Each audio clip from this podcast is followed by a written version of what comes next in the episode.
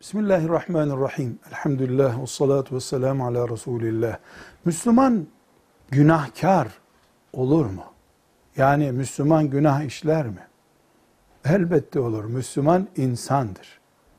Günah insanın yaptığı hata demektir. Müslüman da hata yapar. Zaten Müslüman hata yapar. Kafirin hata yapacak bir şeyi bile yoktur. Ölü kaşınır mı?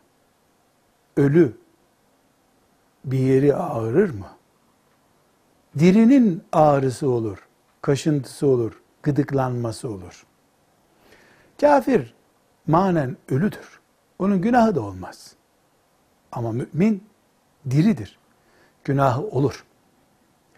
Peki uygun mudur? Elbette uygun değildir. Bu nedenle mümin, Müslüman günah işler işlemez. Tövbe eder. Önce günah işlememek için uğraşır. İyi işlerse, günaha düşerse tövbe eder, istiğfar eder. Mümin büyük ve küçük olmak üzere iki türlü günah işleyebilir. Küçük günahlar var, büyük günahlar var. Küçük günah ufak potlar kırmak demektir. Mesela sağ elle yemek yenmesi gerekirken sol elle yemek yemek küçük günahtır. Sünnete aykırı bir tutumdur. Mesela ezanı dinlememek küçük günah olur. Ezana saygı yapmamak küçük günah olur. Büyük günah nedir peki? Büyük günah Allah'ın haram dediği şeyleri işlemektir.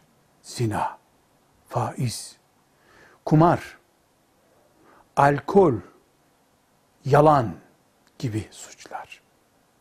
Bunlardan birini yani büyük günahlardan birini işlemek hatasına düşen Müslüman tövbe eder. Tövbe demek pişman olmak, vazgeçmek ve tekrar etmemek demektir.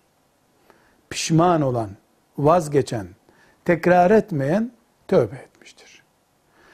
Tövbe samimi ise, pratik ise, yani uygulanmış bir tövbe ise, tövbe eden günah işlememiş gibidir.